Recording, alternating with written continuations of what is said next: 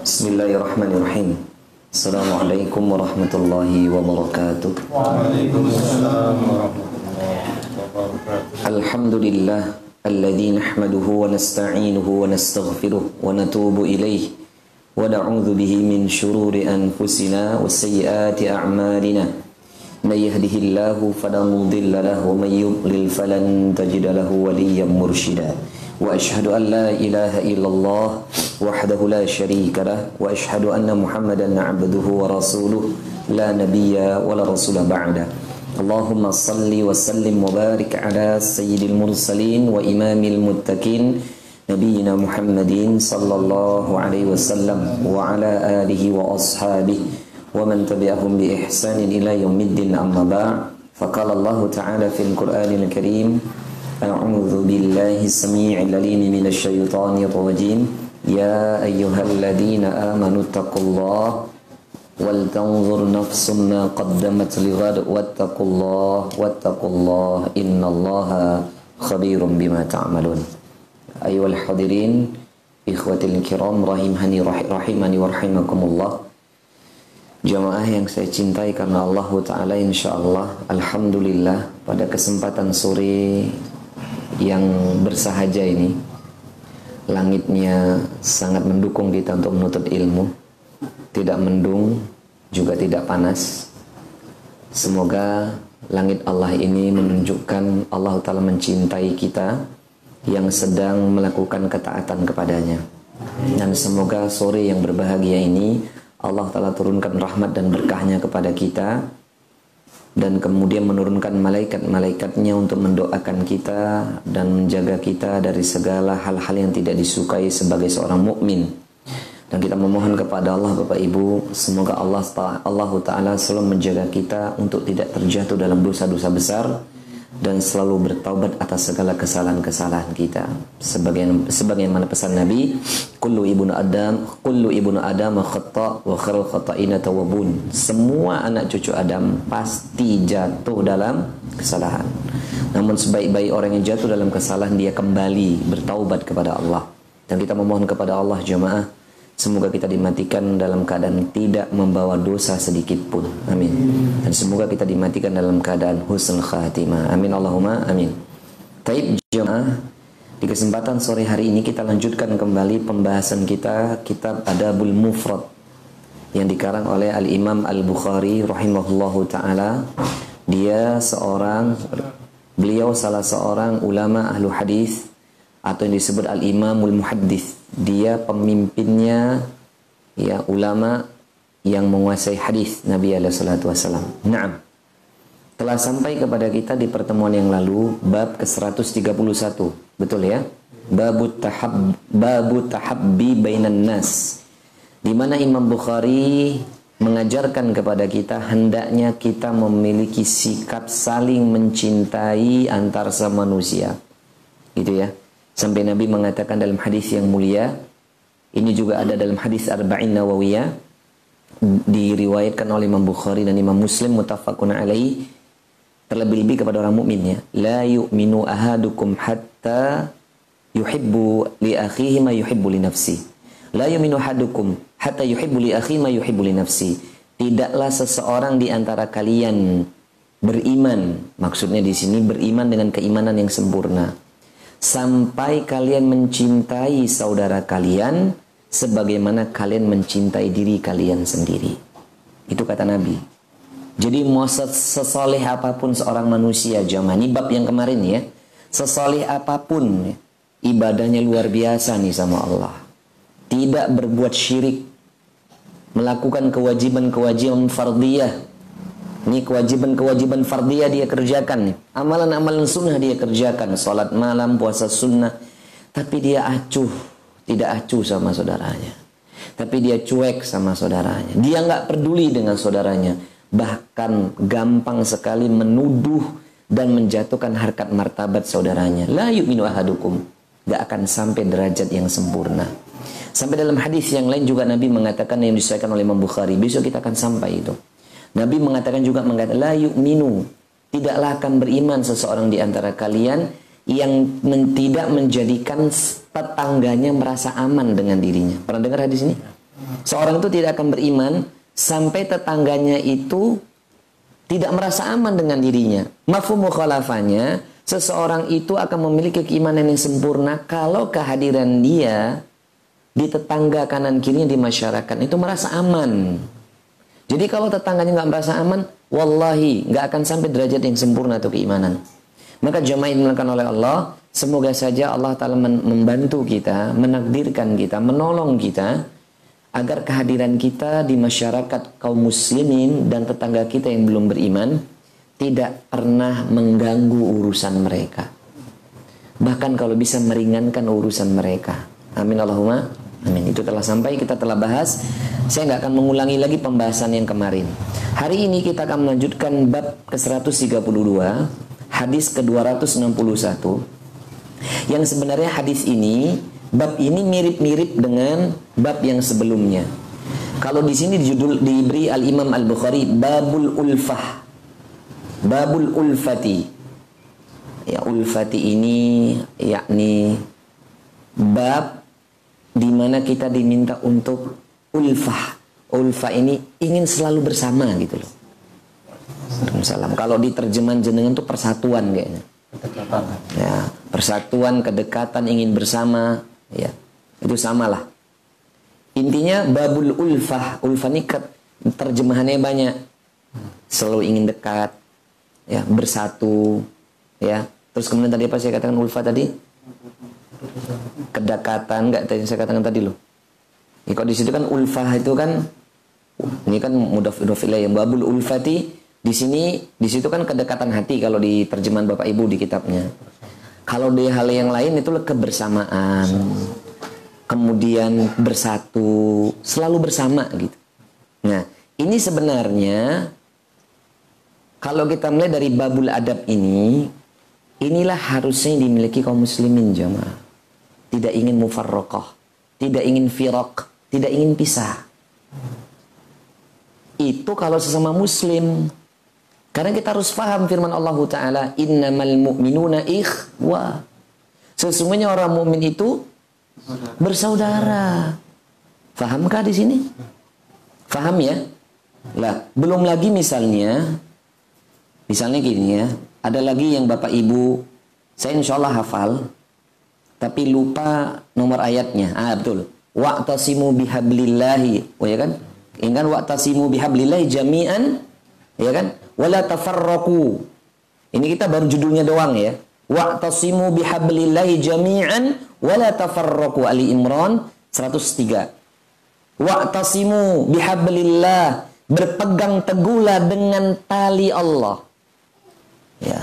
Maksudnya ayat ini di sini al al Imam al Baghawi ini saya buka tafsirnya di sini ya.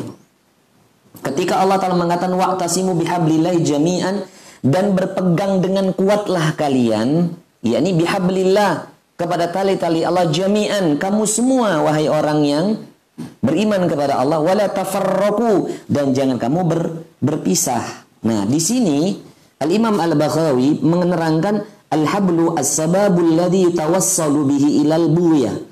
Wasumiya al-imanu hablan li'annahu sababun yutawassalu bihi ila zawalil khawf.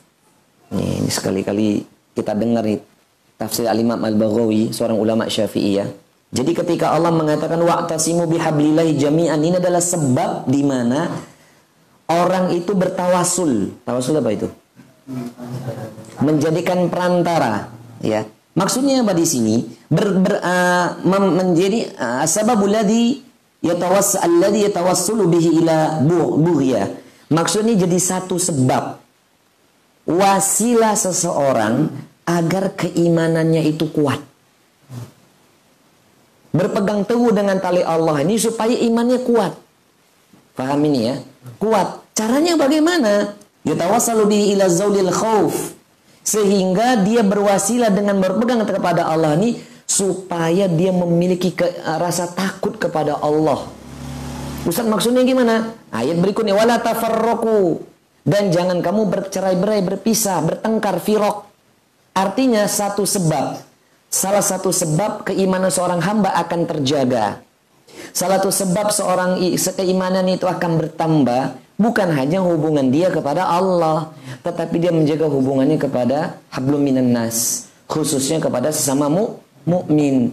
Karena kalau kita ini punya masalah terus, karena kalau kita bertengkar terus, kalau kita ingin berpisah terus, itu insya Allah hati kita tuh mengandung penyakit. Ya, kalau kita ini punya musuh nih, nggak suka sama orang, kira-kira hati kita tuh tumak nina nggak? Sakinah nggak kalau kita nih punya musuh?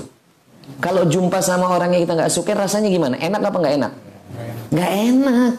Maka wala tafarraku. Berpeganglah kepada tali Allah, berpegang kepada tali Allah. Ini maksudnya Pak at-tauhid. Kalau orang betul-betul termasuk ahlu tauhid, Orang itu termasuk orang-orang yang memiliki akidah al-sunnah wal jamaah yang sahih. Dia adalah orang yang memiliki rasa takut kepada Allah. Dan supaya rasa takut ini ada pada dirinya, dia nggak mau tuh sakiti saudaranya. Dia nggak mau tuh bertengkar sama saudaranya. Selalu ingin bersama. Ini sama mukmin loh, apalagi pasangan. Maka saya ingatkan ya Pak Bu, ini buat saya khususnya. Wallah saya nggak nasihatin yang pertama utama buat antum, ini buat anak khususnya. Buat juga yang bujang. Ingat, menikah itu bukan untuk berpisah. Menikah itu untuk sampai ke jannah. Maka jangan ada niat nikah untuk berpisah ya Ma. Nikah itu adalah untuk sampai ke jannah, bukan untuk berpisah.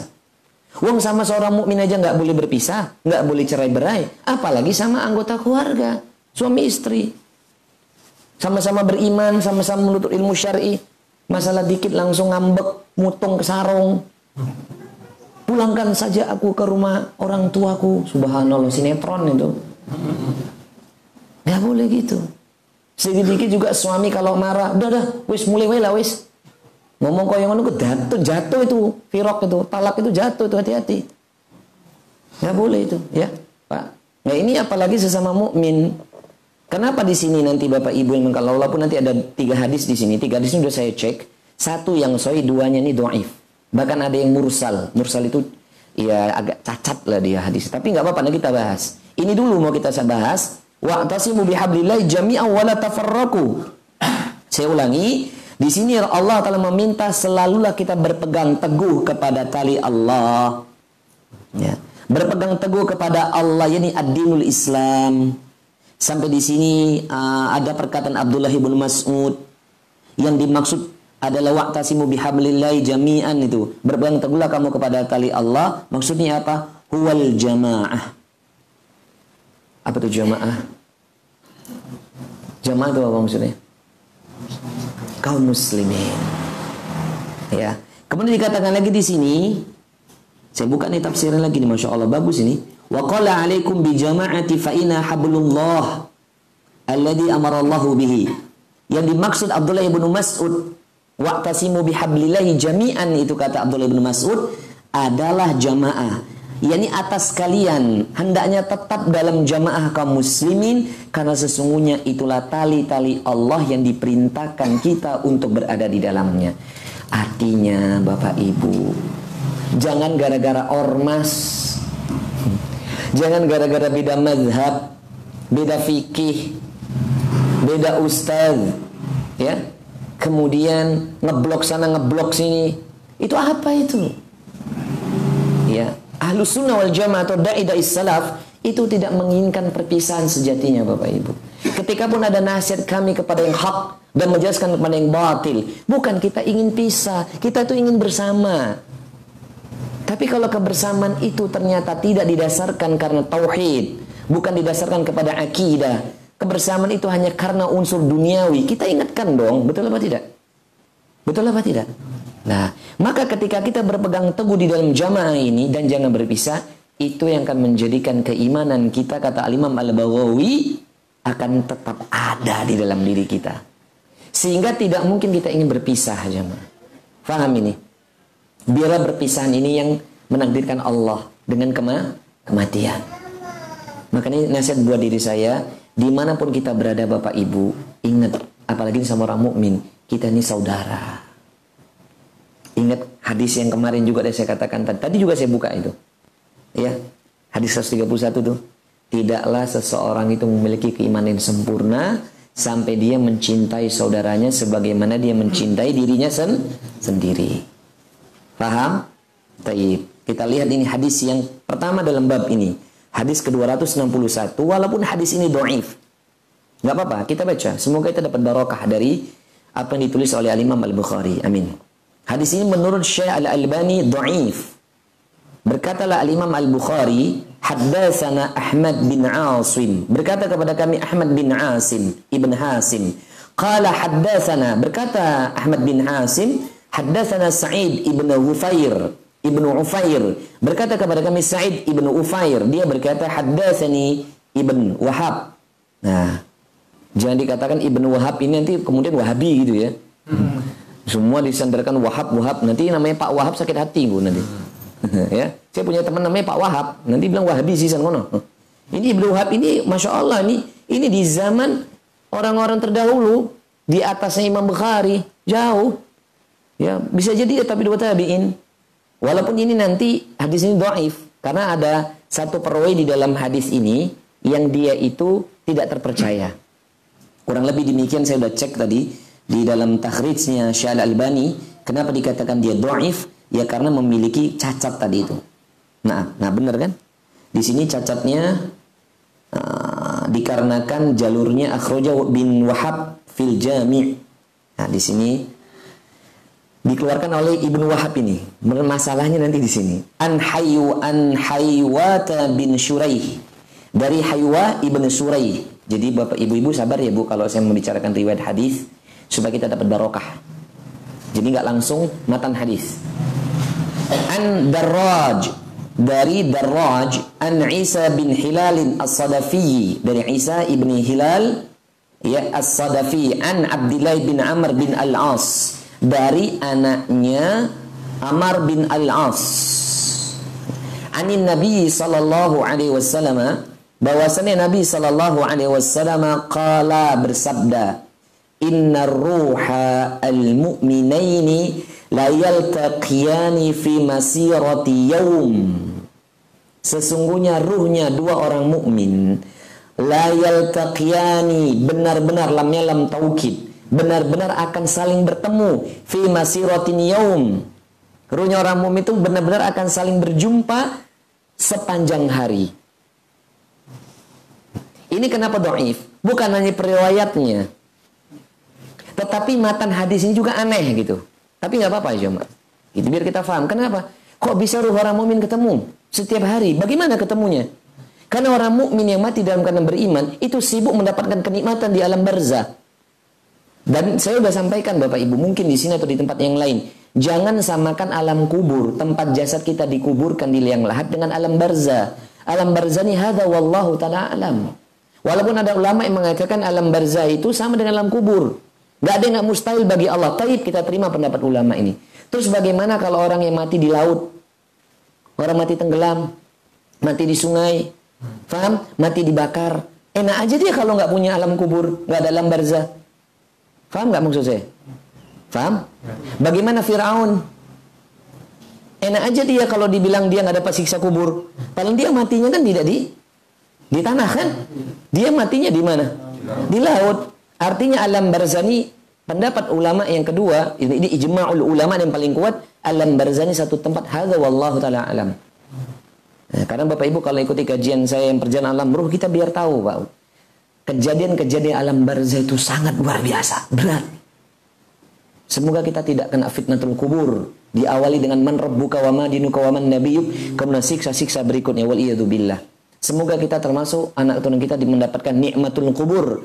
Nikmat-nikmat yang berada dalam kubur mendapatkan kenikmatan ilal yaumil kiamah, ilal yaumil kiamah sampai hari kiamat kelak. Amin Allahumma amin. Jadi ini bantahan hadis Bukhari Muslim yang sangat panjang ini tentang nikmatul kubur bagi orang mukmin yang mereka sibuk mendapatkan kenikmatan di alam kubur. Nggak mungkin kemudian mereka tuh bertemu ruhnya kapan ketemunya. Tapi nggak apa-apa, kita terima nih hadis. Wah, paham ya? Imam Bukhari gitu loh. Gak ada yang nggak mungkin. Kalaupun seandainya ternyata hadis ini benar, nih ya, seandainya hadis ini juga benar kenyataan terjadi, ini kehendak Allah, betul? Fi masyiatillah, fi masyiatillah. fi tahta tahta masyiatillah di bawah kehendak Allah iradahnya Allah iradah syar'iyah iradah kauniyah ini maunya Allah kita nggak bisa mengkritisi Bapak Ibu yakin ya kalau berbicara yang gaib tidak ada yang tidak mungkin bagi Allah betul? Betul kan? Uang gak usah kan masalah yang gaib eh gaib deng. Karena rezeki itu gaib ya kan? Waktu kita satu jam yang lalu tuh gaib satu jam yang udah gaib itu kita harus beriman kepada udah berlalu kan nggak nampak. Satu jam yang kan jangan satu jam, lima menit yang akan datang loh. Ada yang tidur atau terjaga aja kita nggak tahu. Itu berarti milik siapa?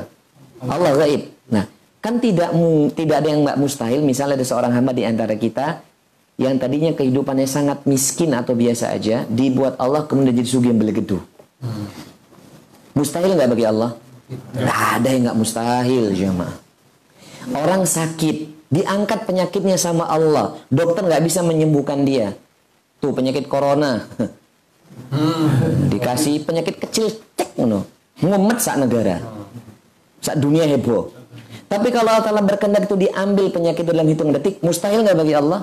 Nggak ada yang mustahil. Jadi kalaupun seandainya kita kembali ke hadis ini, ternyata memang ruh kedua orang mukmin yang di dunia saling mencintai karena Allah, saling menjaga karena Allah, saling berdoa kepada Allah. Misalnya Anda sering sama Ahidian misalnya, sering sama Ahidanu. Misalnya, kan kita sering bareng misalnya. Misalnya kita sering bareng. Kalaupun Allah Ta'ala berkendak nanti di alam barzak, ruh kami saling ketemu, Gak ada yang gak mustahil. Betul apa tidak? Maunya Allah. Tapi kalau dibilang ketemunya sambil ngongkong-ngongkong ngopi, mungkin gak mungkin ya, Mak. Yuk sambil majelas, gohwa-gohwa gitu. Kopi-kopi itu gak mungkin. Tapi kalau ketemu bisa jadi. Kalau memang hadis ini benar adanya. Tapi kalau melihat hadis-hadis Nabi yang lain, kayaknya nggak mungkin menurut penilaian kita. Faham? Faham Bapak Ibu? Faham? Ya. Tapi menurut Allah sangat mung mungkin. Kemudian kita lanjutkan lagi. Wa ma ra'a ahaduhuma sahibahu. Dan tidaklah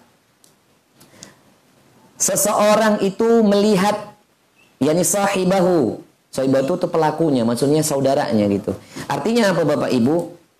Ya kalau saya menerjemahkan hadis ini secara umum, ruhnya orang mukmin, kedua orang mukmin yang saling mencintai karena Allah bertemu dan berpisah karena Allah. Sebagaimana kan ada hadis Nabi yang sahih kan? Ada tujuh golongan yang kelak akan mendapatkan naungan Allah, di mana tidak ada naungan selain naungan Allah. Siapa salah satunya? Orang yang berpisah dan bertemu dan berpisah karena cinta bertemu dan berpisah karena cintanya saling mencintai karena Allah. Bisa jadi itu suami istri. Mereka menikah karena Allah, berpisah pun karena Allah. Di alam barzah bisa jadi ruh ini ketemu. Kita nggak ngerti loh jemaah. Kalau seandainya hadis ini benar. Pokoknya berbicara gaib, kemungkinan-kemungkinan itu pasti ada. Paham Bapak Ibu ya? Paham ya? Berbicara gaib, kemungkinan-kemungkinan itu pasti ah, ada. Siapa yang mengira, Pak? Seadidaya itu China. Walaupun Bapak saya ada darah ke sana ya. Sekuat itu negara itu. Bisa meng mengisolasi itu Uighur ya. Satu negara dicaplok misalnya begitu. Semoga mereka diberi hidayah ya. Kemudian mereka dikasih virus yang kecil nggak tampak. Mengisolasi negaranya. Ajib nggak ini? Allah itu betul-betul la ta'khudhuhu sinatu wala Nggak ngantuk nggak tidur. Faham, Bapak Ibu? Semoga orang mukmin di Indonesia ini atau negara ini khususnya kaum muslimin dijaga dari penyakit-penyakit wabah seperti ini. Amin. Ini kalau zaman Nabi ini penyakit wabah wahan ini, penyakit wabah yang luar biasa nih. Berat ini, Pak. Itu pilihannya dia bersabar atau dia pergi dari negara itu. Itu berat itu. Itu kalau udah dapat fitnah seperti ini hanya Allah Taala yang bisa menyelamatkan. Semoga kita dijaga sama Allah. Maka saya sarankan banyak istighfar, banyak sodakoh itu saran saya ya. Banyak istighfar, banyak sedekah. Wis, pokoknya kui wis. Gak ada yang lain. Berdoa jelas. Kita selalu berdoa. Istighfar, sedekah. Supaya kita dijauhkan dari balak dan musibah. Amin. Allahumma amin. Baik. Ini hadis yang pertama dalam bab ini. Hadis 261. Kemudian jamin yang dilakukan oleh Allah Ta'ala. Kita juga harus memahami. Sebagaimana kita juga pernah membahas di pertemuan yang lalu Kenapa sampai Al-Imam Al-Bukhari menginginkan adanya kita selalu bersama atau kedekatan? Karena itu akan mempengaruhi hubungan satu dengan yang lain. Kan sampai ada hadis Nabi SAW kan, seseorang itu bersama agama saudaranya. Pernah dengar hadis ini yang masyhur ini? Seseorang itu bersama agama saudaranya, maka dia akan memberikan sibgho, akan selalu memberikan influence. Kalau saudaranya ini suka ghibah, nanti temannya yang nggak suka ghibah ini lama-lama frekuensi sama. Betul nggak? Kalau temannya ini suka suudon, dia selalu bersama sama temannya. Nanti ikut-ikut tersus, ikut-ikut suudon nggak ini? Kalau temannya suka tajasus, mencari-cari kesalahan orang lain, kira-kira temannya ikut tajasus nggak? Betul nggak ini? Dan kalau sudah suudon dan tajasus jadi satu, kira-kira penyakit ketiga apa kemarin? Al-Hujurat ayat 12 riba. Kan udah pernah saya sampaikan. Dua pintu yang dimasuki oleh seorang muslim, kalau dia berada dua pintu ini pasti nanti ujungnya riba. Makanya dua pintu ini jangan pernah dimasukin. Suudon dan apa?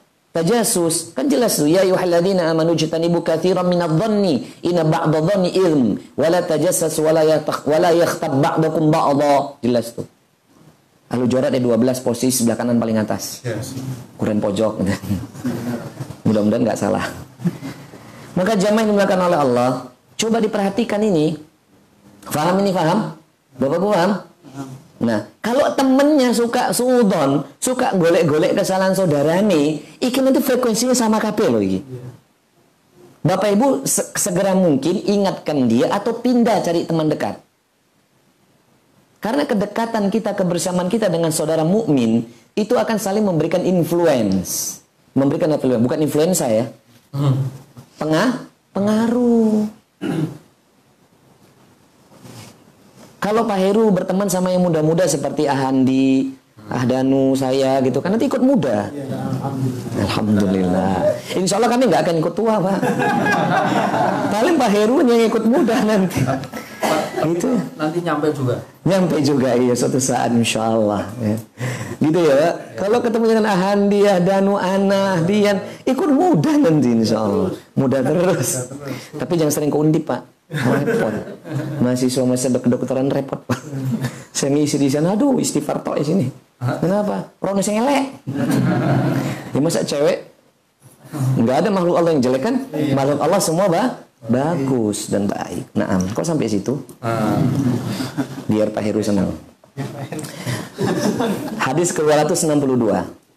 Nah, menurut Al-Imam al uh, menurut Syekh Nasruddin Al-Albani, hadis ini sah sahih. Kita baca ini. Qala muallif rahimallahu taala haddatsana Abdullah ibn Muhammad. Berkatalah kepada kami Abdullah bin ibn Muhammad, anaknya Muhammad. Qala haddatsana Sufyan Berkata kepada kami Sufyan kata Abdullah bin Muhammad an Ibrahim ibn ibn ibn Maisarah. Ibrahim bin Maisarah. Maisarah. Hah? Ini nama laki-laki, Pak. Bukan Maisarah nama perempuan. Kalau perempuan terus bintu. Berarti boleh nggak kasih nama laki-laki Maisarah? Boleh, tapi nggak umum di Indonesia. Apalagi Munaroh. Hmm, jangan ya. Pak, jangan ya an Antawus. Nah, ini nama lain asing lagi. Antawus dari Tawus. An Abdullah ibni Abbasin radhiyallahu taala anhu. Dari sahabat Abdullah ibnu Abbas. Pak, Bu, kalau berbicara Abdullah ibnu Abbas, semua para tolabul ilm, para penuntut ilmu yang mengikuti jejak salaf di kalangan sahabat, kita pasti tahu dan saya pernah menceritakan tentang Abdullah ibnu Abbas.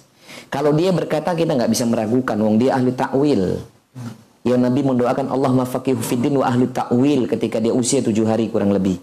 Ya Allah berilah dia kefakian dalam agama ini dan jadikan dia ahli takwil ahli tafsir. Artinya perkataan Abdullah bin Abbas selalu berlandaskan kepada kalallah kalan Nabi. Maka kenapa manhaj ini menuntut kita mengikuti sahabat, bukan tabi'in. Kalau tabi'innya tuh berselisih dengan sahabat, tabi'in ditinggal. Hatta Hasan Al-Basri, Hatta Said bin Musayyib, Said bin Musayyib.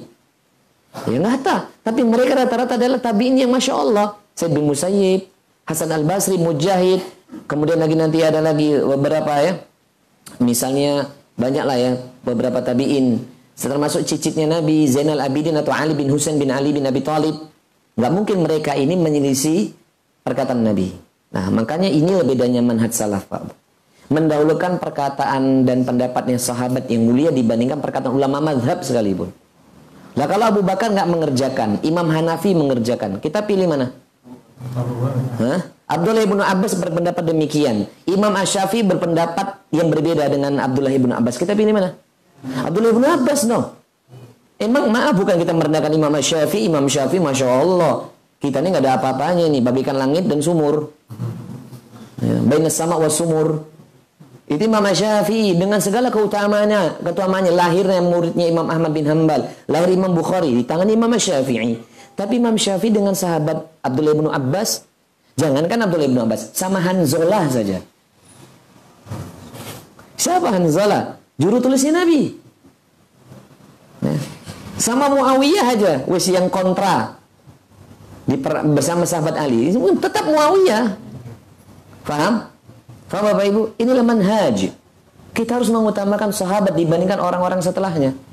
Nah, Abdullah bin Abbas berpendapat tentang masalah ulfah. Jadi kalau ngasih nama anak ulfah boleh Ustaz? Boleh. Tapi belakangnya dikasih H kalau itu perempuan. Ya, kan tamurbuto. Ya, ulfah gitu kan apa ingin dekat Masya Allah, kok tersenyum? Kayaknya ada yang teringat nih. Ada yang nama temannya Ulfa. Masya Allah. Kan senyum-senyum gimana gitu. Ul? Ulfa. Baik. Apa kata Abdullah bin Abbas? An-ni'amu tukfar. Ini kalau teringat Pak Ni'am nih. Ni'am ini nama saudara kita ya di Masjid Al-Jauhari, Masya Allah. Mantan Kota Takmir ya? Iya. Selalu diajak ngaji, Pak. An-ni'amu tukfar. Kenikmatan yang diingkari. Berarti kalau berbicara kafir, itu berarti orang yang bermeng... Jadi kalau kafir itu berarti perbuatan ingkar gitu kan. Berarti tukfar itu nikmat yang engkau ingkari. Nah Abdullah bin Abbas ber, berpendapat uh, mengatakan dalam kalimatnya ini asar namanya. Kalau perkataan sahabat namanya a asar. An-ni'amu tukfar. Kenikmatan yang diingkari. Warrahimu tukta. Rahim yang terputus. Walam nara misla taqaribil qulub. Perbuatan kedua ini tidaklah kami melihatnya taqaribul qulub akan mendekatkan hati. Faham Mbak Bapak Ibu? Betul nggak di situ terjemahannya? Ya kan? Walam dan tidaklah nara kamil misla permisalan taqaribul qulub kedekatan hati. Maksudnya apa Bapak Ibu? dua perbuatan sebelumnya itu akan menjadikan hati kita nggak akan dekat mengingkari kasih sayang temennya, mengingkari kedekatan temennya, mengingkari kenikmatan yang diberi temennya. Maksudnya apa? Perhatian, nasihat. Kalau ada saudara kita sama mukmin masih mau menasihati kita tuh berarti dia sayang sama kita, Pak. Bapak Ibu, saya lagi belajar, kita semua lagi belajar. Kalau ada orang datang tiba-tiba menyempatkan waktu untuk ketemu sama kita, ingin memberikan kita masukan dan nasihat, terima pak. Itu berarti dia sayang sama kita. Betul apa tidak? Kalau dia udah nggak mau menasihati kita, berarti kan cuek bebek tuh. Dia udah nggak sayang sama kita. Coba bapak, kalau anak kita melakukan kesalahan atau kekeliruan, kita nasihatin, nasihatin apa buatan? Istri kita keliru, kita nasihati tidak? Tapi kalau kita ada cuek, kita hilang nggak nasihatnya? Apa? Kesayangnya hilang nggak? Cintanya hilang nggak? Nah, jadi kalau ada teman datang menasihati kita, Jangan kau ingkari kenikmatan-kenikmatan tersebut. Kemudian gara-gara mungkin satu hal kekurangan satu dengan yang lainnya. Namanya manusia pak. Khotok wanisian. Kita nih pasti salah, pasti lupa. Makanya kenapa kita harus memberikan uzur. Berapa kata para ulama uzur yang pernah saya sampaikan? 70. 70 ribu 70 juta? 70 itu standar minimum, Pak. Jangan dikira itu standar maksimum. 70 itu standar minimum. Artinya kalau udah 70 Ustaz, udah 70 kali saya kasih uzur. Ini yang ke-71. Saya udah nggak kasih uzur. Keliru. Uzur kita kepada sama mukmin sampai kita mati atau dia mati. Artinya Bapak Ibu, jangan gara-gara kita punya masalah, dia punya salah, kita punya salah. Kemudian kita ingkari semua kenikmatan yang Allah Ta'ala datangkan melalui dia. Kebersamaan dia kepada kita. Pembelaan dia kepada kita nasihat dia kepada kita, doanya dia kepada kita. Selalu bersama ngajak kajian. Kemudian diingkari karena ada masalah. Lalu jadi apa? Warahimu tukuta. Hubungan itu terputus. Wasalam ini. Ya. Maka tidaklah terlihat sedikit pun ada kedekatan hati kalau demikian. Faham nggak Bapak Ibu? Faham tidak ini? Faham Pak Bu? Maka saya nasihati diri saya sendiri khususnya dan Bapak Ibu sekalian, kalau sudah ada mulai timbul benih-benih ketidaksukaan kepada teman dekat kita selama ini, segera minta tolong sama Allah ya Allah, cabutlah rasa tidak suka di dalam hati saya kepada dia dan berilah rasa cinta saya karena Allah kepadanya selalu sampai saya mati atau dia mati. Selama kami hidup ya Allah. Minta gitu. Namanya berteman pasti pernah slack jamaah. Betul apa tidak? Ya namanya apalagi safar lost control misalnya gitu. Ya maafkanlah. Kalau dia zolimi kita ya maafkan. Gak usah dibalas. Ingat dalilnya. Idfa' billati iya ahsan. Tolaklah segala keburukan yang ditimpakan saudaramu kepadamu dengan kebaikan. Wa'arid anil jahilin atau minal jahilin dan hiraukan bodohnya perbuatan dia. Jangan kau benci orangnya, lihatlah kebaikan-kebaikan kebaikannya. Ibu-ibu, faham bu? Soalnya ini yang paling berat buat ibu-ibu loh. Kalau bapak-bapak tuh biasanya kan cuek nih. Ibu-ibu tuh karena baper. Jadi kalau tersinggung sedikit tuh panjang banget masalahnya. Wes sekeliling pinggang lebih sekujur tubuh kayaknya. Kalau punya masalah, ndak usahlah baper, udahlah kasih dia, dia maaf. Namanya dia manusia. Gak ada manusia yang lepas dari dosa, betul? Jangan melihat kesalahan saudaranya, kemudian kita benci, kita nggak mau bersama lagi. Ternyata kalau dihisap kita lebih banyak salahnya sama dia. Tapi dia selama ini kasih udur sama kita. Fahamkah? Faham ini Bapak Ibu? Saya mau bertanya Pak Bu, kepengen nggak bersama uh, kebersamaan kita sore hari ini sampai di surga Firdaus? Pengen kan? Jangan pernah berpisah. Jangan pernah mengingkari kenikmatan yang Allah Taala berikan. Jangan pernah Pak. Satu kesalahan kasih udur, dua kesalahan kasih udur, tiga kesalahan kasih udur. Kita punya salah minta maaf, perbaiki hubungan dan kembali lagi. Wala tafarroku, jangan berpisah. Faham ini? Jangan berpisah. Kalau ada niat berpisah, minta ampun sama Allah, bertaubat karena itu akan mempengaruhi keimanan. La yuminu ahadukum hatta yuhibbu li akhihi ma yuhibbu li nafsi. Ingat hadis ini. Faham Bapak Ibu? Si, si, si. Ngertos sama botan ini? Pak Bu, seandainya saya ini punya banyak tangan, demi Allah detik ini saya ingin memegang tangan-tangan antum semua. Bahkan bahkan detik ini tadi saya memegang tangannya Pak Heru ini. Jangan sampai pisah. Kalaupun ada masalah, saling ikhlaslah kasih udur.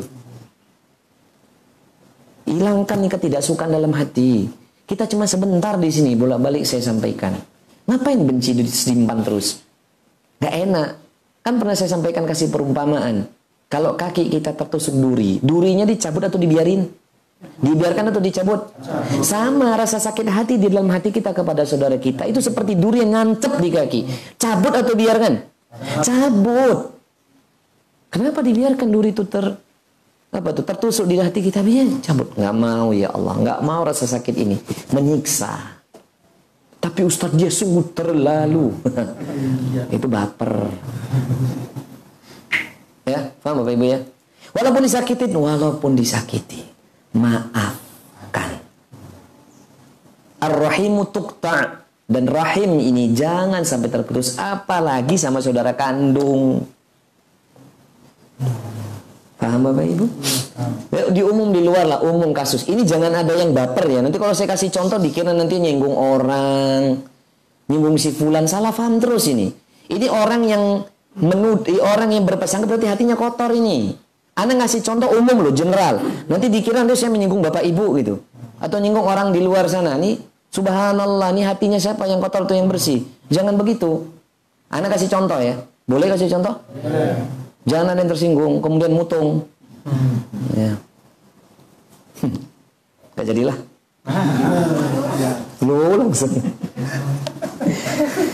Ini kejadian umum wes. Bahasa yang enak apa ya? Hmm. gini. Memutus tali? Bukan. Kita ini kakak adik kita berbicara. Contoh ya kakak adik nih. Padahal kakak adik itu dengan hubungan guru dengan murid lebih mulia mana? Guru itu bapak lo, orang tua lo. Ya kan? Kakak adik tetap kakak adik hubungan darah. Tapi murid dengan guru? Kalau orang tua kata para ulama ada tiga. Kalau kan orang tua kan orang ada tiga kan ingat nggak? Orang tua ada tiga loh. Orang tua kandung kita, mertua kita dan guru kita. Ingat nggak? Nah, berarti kedudukan di sisi Allah paling besar mana sebenarnya? Nah, Pak, siapa pun gurunya yang mengajarkan agama, siapa pun ustadz yang mengajarkan agama, dia manusia biasa, tidak maksum sekelas Sayyidina Abu Bakar As-Siddiq radhiyallahu taala anhu yang kata Nabi apabila keimanannya diletakkan di satu neraca timbangan dan neraca timbangan yang lain itu adalah semua keimanan orang mukmin berarti Abu Bakar, Umar sampai manusia yang beriman itu lebih berat keimanan siapa? Dia aja nggak maksum kok. Jadi kalau guru kita punya salah terlihat di mata kita, ya maafkan orang tua. Itu kalau memang salah. Kalau nggak salah, golek-golek salahnya. Kira-kira gimana ini?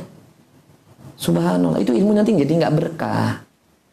Faham? Ini saya nggak menyinggung siapa pun, jangan salah paham ini. Gue nanti aku bilang nyinggung orang lagi. Faham ini? Taib. Guru kita di TPQ. Guru saya di madrasah ibtidaiyah. Saya ngasih contoh diri saya biar nggak salah paham.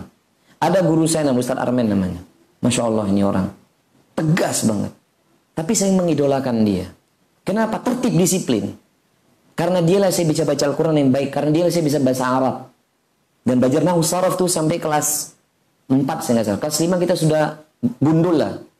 Pada saat itu di Madrasah Ibtidaiyah Islamnya di Medan pada saat itu. Lah, guru ini kalau dia muridnya nggak tertib, bacaan salah, nggak main-main jemaah. Itu dia bawa rotan. Faham? Sakit hati. Cuman sebentar sakit hatinya. Dalam hati, Ustaz mau mukul, ngomong. Tapi ketika duduk kan mutung itu, astagfirullah. Ustaz, nggak akan saya pernah lupa itu.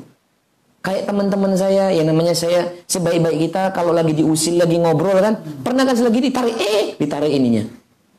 Sampai jambang saya lepas itu. Apakah saya sakit hati? Tidak sakit hati saya. Maaf Ustaz, gitu.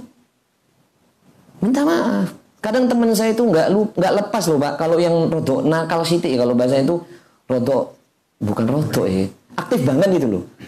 Itu penghapus papan tulis tuh bendol di kepalanya. Lempar peng. Kalau pulang dia laporan ibunya dilempar ustadz tambah dimarahi. Maka kadang kalau mereka pulang kenapa kepalamu bendol gitu bendol gitu kenapa? Kejedut. Kalau dia bilang itu dilempar penghapus tambah dimarahi sama bapaknya tambah dijiun makanya dikasih tahu ustadz yang denger ya itu gitu. orang zaman dulu pendidikan gitu toh. Kalau sekarang lapor. Nah ini kalau model kayak gini sekolah mana pun nggak akan terima model murid yang ngelapor gurunya. Paham ya? Taib. apakah saya benci sama guru saya? Dia bapak saya. Ngajari saya agama. Ngajari saya fikih salat fikih syafi'iyah. Ngajari saya fikih tahara banyak hal yang diajarkan kepada saya. Bahkan saya sering suruh jadi imam pada saat itu. Oleh kepala sekolahnya, oleh Ustaz Armin, Ustaz Musa udah meninggal ya, kalau saya. Sering jadi suruh jadi imam. Malu saya. Kalau ada kakak kelas. Dia kadang sering ditegur. Oh ternyata kanan hikmahnya, dia menginginkan kebaikan buat kami. Lebih baik dibandingkan mereka saat mereka seusia saya. Saya akhirnya memikirkan itu gitu loh. Jadi harusnya jangan kemudian sakit hati gitu. Faham Bapak Ibu ya? Terus guru juga nggak ustad ini, ustad saya di madrasah nggak adil berlaku adil. Teman saya melakukan kesalahan, saya yang dimarahi. Salah nggak ini ustadnya? Ustadz ini menyamarahi saya. Padahal yang salah teman saya. Kan nggak adil. Tapi apakah saya patut membenci dia? Guru manusia khata wanisian. Dia orang tua. Paham ini? Jangan sampai kau ingkari nikmat itu. Jangan sampai kau memutus hubungan cintamu karena kepada dia karena Allah sehingga itu akan mempengaruhi kedekatan hati. Paham ini maksud saya? Nyambung? Nyambung? Ingat Pak, Bu, ustadz-ustadz antum, guru-gurunya antum itu manusia, bukan malaikat, bukan nabi. Kalau punya salah ya kasih uzur. Sebagaimana saya sering kasih uzur, uzur jamaah dalam kajian tidur ngantuk. Hmm. Itu kan uzur yang panjang bertahun-tahun begitu, nggak apa-apa. Itu cintanya guru kepada mu, murid. Kasih udur, saya nggak marah. Kecuali tuan rumahnya tidur, tak tinggal mulai. Kan. Tuan rumah di belakang. nggak nampak kalau dia tidur nggak nampak. Tapi kalau udah nggak mulai nggak bersuara ketahuan. Berarti ngantuk dia. Ngelir-ngelir. Taib. Paham sampai di sini? Paham? Taib. Hadis ke-263. Menurut Syal Al-Albani dhaif hadis ini. Haddatsana berkata Al-Imam Al-Bukhari, haddatsana Farwatu ibn Abi Maghra. Ya, Maghra. Berkata kepada kami Farwa ibn Abi Maghra. Qala dia berkata, haddatsana Qasim bin Malik. Berkata kepada kami Qasim ibn Malik an Abdullah ibn Aun, Abdullah ibn Aun an Umair bin Ishaq. Umair bin Ishaq dia berkata, "Kunna kami natahaddatsu berkata atau berbicara inna awwala ma yar ma yurfa'u minan nasi ulfah.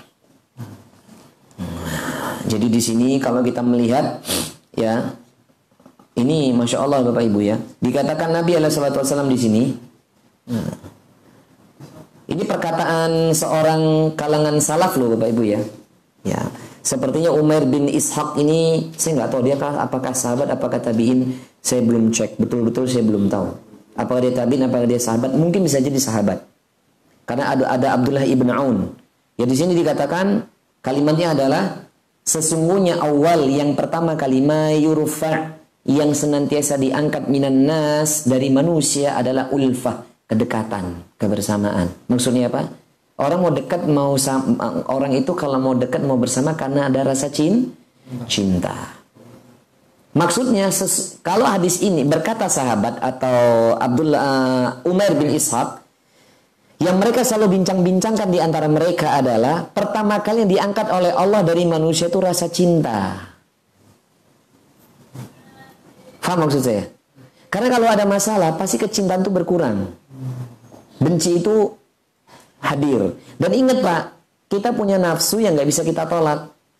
Surah Yusuf awal juz 13 ayat 50 kan? Inna nafsada ammaratun bisu. Nafsu itu mendorong kepada yang buruk. Jadi kalau ada masalah terjadi antara kita, mesti nafsunya itu membakar. Rasa cinta itu dibakar, jadinya rasa benci. Setannya teko. Dikompori lagi, Pak. Bukan dikompori, tambahin minyak, pertamak dek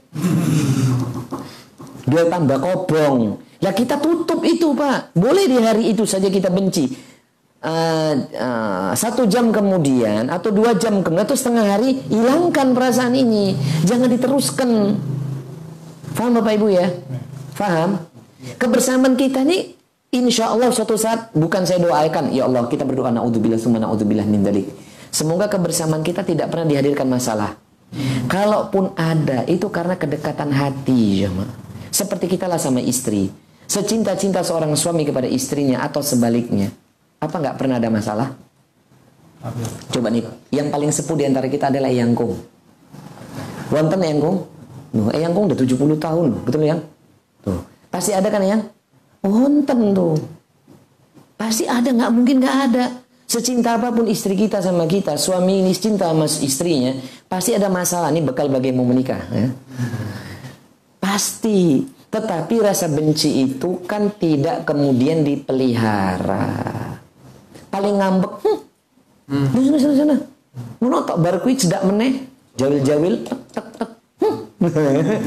Cowok tuh sing ngono kadang kok rada jaim-jaim nah, didekati bojone. Wis menengo, ngono sih. Padahal yang mati kok ora teko-teko gitu ya.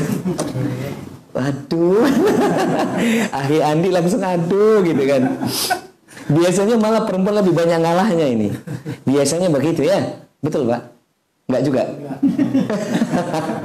Tergantung istrinya. Kayaknya ibu-ibu di sini lebih banyak ngalah pada suaminya. Amin. Senang banget ibu-ibu digituin. Ibu-ibunya dia tidur ya? ibah semua soalnya nggak kelihatan gitu. Baik, jamaah yang oleh Allah. Jadi kalau kita melihat perkataan Umayyah bin Ishak ini memang ada benarnya. Saking dekatnya kita kepada pasangan kita atau teman kita atau sahib kita atau keluarga kita, pasti suatu saat itu Allah Ta'ala hadirkan ujian. Betul nggak? Allah menguji. Ingat loh jamaah surah Al-Ankabut ayat kedua kita udah pernah bahas. Ahasiban nas ayut suraku ayyakulu amanna wahum la yuftanun Apakah manusia itu mengira mereka itu ketika mereka berkata kami cinta beriman kepada Allah, kamu nggak akan diuji? Pasti diuji. Kenapa kita diuji hubungan kita? Agar kita bisa menerapkan nggak nih firman Allah dan sabda nabinya. Masih tetap ingin bersama atau ingin berpisah? Jadi kalau urusan bisnis kita punya masalah, jangan sampai urusan bisnis itu dibawa-bawa urusan pribadi. Faham ini ya? Kita kan sedang belajar semuanya. Jangan sampai urusan bisnis, urusan apalah, utang piutang, kemudian di utang piutang urusan muamalah misalnya. Kemudian dibawa dalam urusan ranah pribadi ini nggak tepat. Faham ini? Faham? Faham nggak Bapak Ibu?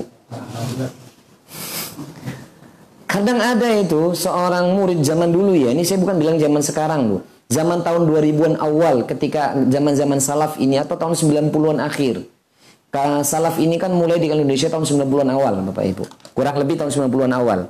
Ya. Kalau Ustadz Yusuf Harun, pengajar Lipia Jakarta, Universitas Madinah buat Indonesia di Jakarta itu, beliau pulang tahun 89. Seingat saya ya, kalau saya katakan beliau Syekh Yusuf Harun, Ustadz Yusuf Harun ini orang nggak terkenal, tapi dia adalah generasi ketiga pengajar di Lipia. Orang Indonesia yang pertama yang kalau nggak saya dia ulumul hadis. Pulang itu S2 dari Madinah Ulumul hadis ingat saya. Sehingga saya ulumul hadis. Kalau saya salah semoga dimaafkan. Dia pengajar nih. Di Lipia, orang mandang Lipia belum ada dulu mandang Lipia dulu. Jadi ustaz-ustaz sekarang yang masyur itu ya murid-murid beliau. Siapa guru Ana Zainal Abidin, Ustaz Zainal Abidin. Dia muridnya beliau. Apalagi yang murid-murid yang sekarang lulusan Lipia. Jauh Ustaz Yusuf Harun itu orang dari tahun 89 jamaah. Coba. Oke. Kita berbicara tahun 2000-an awal. Ada seorang murid karena mungkin tersinggung dengan perbuatan ustadznya, murid ini ngomong ke sana kemari supaya mentahdir ini ustadz. Ajib ini orang. Jadi kalau itu terjadi hari ini itu wajar. Tahun 2000-an awal aja itu terjadi kok. Faham ini Bapak Ibu? Faham ya? Gara-gara tersinggung sama ustadznya ke sana kemari itu seperti Abu Lahab. Bawa kayu bakar. Supaya benci sama Ustadz Fulan, Ustadz Fulan. Gak boleh gitu membongkar kesesatannya Ustadz Fulan. Itu ada judul kajian tahun 2000 awal Pak. Membongkar kesesatan manhajnya Ustadz Fulan. Subhanallah. Sampai salah satu Ustadz kita itu. Semoga Allah Ta'ala menjaga beliau. Ustadz Haris Budiatna. Ya. Beliau itu dulu tahun 90-an Pak. Tahun 2009 itu pernah itu mau dipukulin sama orang. Gara-gara apa? Karena dituduh dia sesat sururi. Sesama salaf itu dituduh tuh. Itu tahun tahun 90-an akhir atau tahun 2000-an awal. Ustaz Haris. Yang beliau itu dari dulu berdakwah dari tahun 90-an Pak. Itu masjidnya Nurul Sunnah. Itu temboknya itu tahun 93 itu Pak. Tembok pertama berdiri 93 itu. Ustaz Haris itu. Nah tahun 90 segitu tuh, tuh, tuh, beliau itu itu macam-macam itu. Sesat lah, sururi lah, opo lah, kape lah. Nah sekarang radikal. Hmm, radikal. Dulu tuh macam-macam. Pak dulu kajian salam mau sangat sedikit sekali. Nah, itu gara-gara omongan siapa? Seorang murid. Bukan ustad. Tuh, pukuli Haris Budet. Nah, digituin. Ustaz Haris apa benci? Enggak. Sampai beliau cerita, Masya Allah, 10 tahun dari kejadian itu, baru dia minta maaf. Tuh, saat saya minta maaf, salah satu orang yang pernah menyuruh ikhwan-ikhwan memukuli ustadz tuh coba Pak. Apa kata Ustaz Haris? Masya Allah, ini kita harus belajar dari beliau ya, Masya Allah yang berlalu sudah berlalu. Sudah selesai. Antum tetap saudara anak. Gitu, Pak. Padahal dia mungkin pernah berguru sama saya. Mungkin, mungkin. Kita nggak paham. Paham Bapak Ibu ya? ya. Paham? Ini kita berbicara siapa? Ustaz. Guru yang pernah melakukan kesalahan. Dia manusia. Ya. Paham ya? Terus berbicara hadis ketiga tadi berkenan tentang apa? rasa cinta atau kedekatan itu diangkat karena pasti akan diuji kebersamaan kita. Paham Bapak Ibu? Contoh terakhir wis. Loh, kita masa lupa bagaimana kejadian Uthman ibnu Affan itu syahid terbunuh. Berarti benar sabda Nabi SAW ketika Nabi bersama Abu Bakar, Umar dan Uthman di atas gunung Uhud. Ya kan? Uhud, gunung Uhud kan bergetar. Uskut ya Uhud. Diam kamu Uhud. Di atasmu ini ada seorang nabi dan utusan Allah, seorang as-siddiq dan dua orang yang syahid. Siapa syahid? Umar dan Uthman. Nah ketika Utsman ibnu Affan itu syahid ditusuk kan pernah kita cerita tuh kan? Dadanya itu. Kemudian di antara sahabat itu konflik loh. Konflik itu. Ya paham bapak ibu? Karena Utsman ibnu Affan itu adalah sahabat yang paling disenangi sama uh, ya salam. Teman-teman dari uh, kaum muslimin atau sahabat-sahabat yang berada di Yaman kalau nggak salah aduh lupa saya Muawiyah iya dari Yaman kalau nggak salah jadi orang-orang yang menuntut nanti termasuk Muawiyah Muawiyah ini kan nanti kan termasuk orang yang protes sama Ali jadi ketika sahabat Utsman ini terbunuh, sahabat Ali itu diminta untuk mengeksekusi ini orang-orang yang membunuh sahabat Utsman. Tapi sahabat Ali bukan nggak mau mengeksekusi jamaah. Karena dia tahu orang-orang yang membunuh Utsman itu berlindung di balik dia begitu banyak orangnya. Kalau dieksekusi, sementara sahabat Ali itu tahu di barisan Muawiyah ada orang-orang munafik, ada orang-orang Yahudi, ada orang-orang munafik banyak yang ini akan membenturkan dua kelompok besar ini. Faham? Di barisan Ibunda Aisyah, di barisan Muawiyah, ini banyak orang-orang yang benci sama para sahabat. Ali tahu, ini kalau saya hukum mati ini semua, mereka datang habis ini khalifah. Itu. Maka dalam hal ini sebenarnya saya nggak mau menyalahkan Ummu Aisyah dan nggak mau menyalahkan sahabat Muawiyah. Tapi posisi paling benar tetap sahabat siapa? Ali bin Abi Thalib. Dia karena khalifah yang sah. Ditunjukkan dari nubuah kan? Khalifah Rasyidin yang terakhir siapa? Ali bin Abi Thalib. Artinya di antara sahabat saja pernah ada rasa benci. Sahabat lu, ahlul jannah, ashabul jannah. Lah kita siapa? Paham? Paham Bapak Ibu? Paham? Makanya kita berusaha, ini saya simpulkan terakhir, padahal tadi padahal tadi ini bab berikutnya udah saya persiapkan. Gak apa-apa nih, saya tutup. Pak Bu, kita berdoa ya sama Allah ya. Dan kita berusaha ya Bapak Ibu ya. Tutup pintu-pintu yang menyebabkan hati kita bercerai-berai. Tutup pintu-pintu di mana kita ini menyimpan rasa benci. Tutup pintu-pintu hati pintu hati-hati kita agar hilangnya rasa kedekatan satu dengan yang lainnya. Bapak Ibu paham?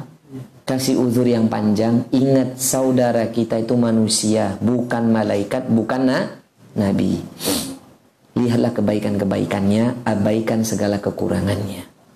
Sebagaimana kita lihat pasangan kita dan anak-anak kita dan cucu-cucunya Bapak, bukan cucu kita. Saya emang udah punya cucu. Tua banget. Itu Bapak Ibu ya? Paham? Paham? Dan nanti kalau kita menjalankan ini, insya Allah. Kalau kita menjalankan insya Allah, kita akan bersama di surga. Tapi di dunia pasti ujiannya bertambah. Kenapa? Kalau kita ingin bersama, nanti pasti ada orang yang nggak suka. Pasti itu. Dianya jadi lempar baik. Tadinya kita nggak dekat, kemudian jadi dekat. Nanti Allah Ta'ala mengirim ujian lagi kepada kita. Syaitan-syaitan dalam bentuk jin memasuk ke dalam hatinya manusia yang hatinya kotor. Nggak suka dengan kedekatan kita. Itu pasti ada itu. Betul nggak? Kita ini nggak dekat kemudian jadi dekat karena nggak ada modus dunia. Orang itu pasti nggak suka nanti.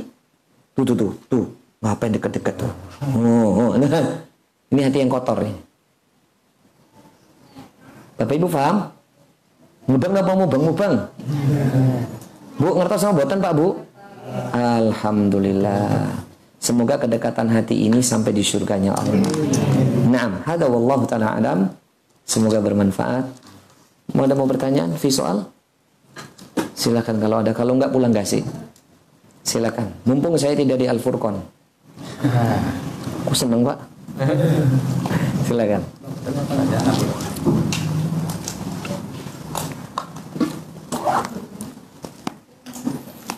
Ya, sepertinya tidak ada. Alhamdulillah. Udah, kayaknya nggak ada pak. Kalau begitu kita akhiri aja. Semoga bermanfaat. Sampai ketemu pekan depan ya Bapak Ibu ya.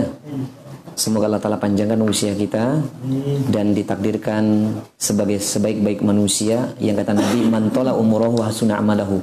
Yang dipanjangkan usianya namun baik amalnya. Dan semoga kita kecintaan ini sampai bertemu di surganya Allah. Amin. Allah amin. Alhamdulillah jazakumullah khairan. Ini dapat uang 350 ribu untuk dakwah di Gunung Pati. Semoga ini jadi berkah dunia akhirat di Bapak Ibu ya. Demikian wal akhir. Wassalamualaikum warahmatullahi wabarakatuh.